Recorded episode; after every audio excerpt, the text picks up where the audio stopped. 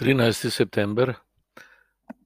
Evangelij je za vse narode in vse ljudi, vsakega človeka, vseh časov.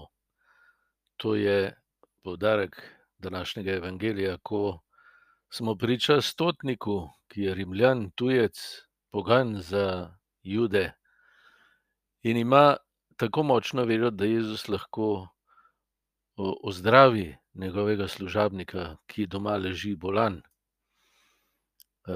To pokaže, da je Bog vsakemu človeku da vero. Vsak človek dobi milost vere. Samo vsak je ne sprejme in vsak je ne živi. To je vedno tako. Tule imamo popolno svobodo. Najprej se pa zdi pomemben ta vidik, da vse religije sveta so priprava na evangelij, predevangelizacija. Priprava na veselo novico, kdo smo, kdo je Bog in zakaj smo tukaj. Zakaj nam je Bog podaril to življenje.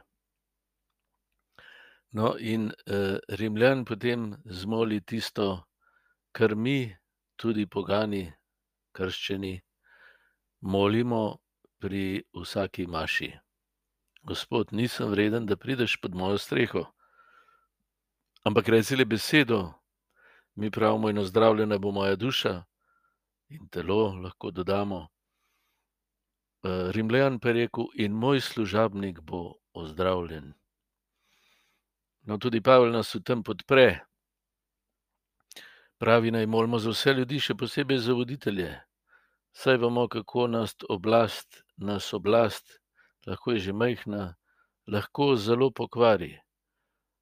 Da izgubimo svojo človeškost, da zlorabimo to moč, ki jo imamo za osebne koristi, in se tako tudi sami razčlovečimo, ob tem pa povzročamo trpljenje in stisko tudi drugim. In Pavel vabi, da molimo za voditelje. Pa se lahko pridružimo Kristusovi molitvi pa svetemu duhu, ki v nas moli, da nas priveže na resnico božje ljubezni, ki nas je že rešila smrti pa strahu zase.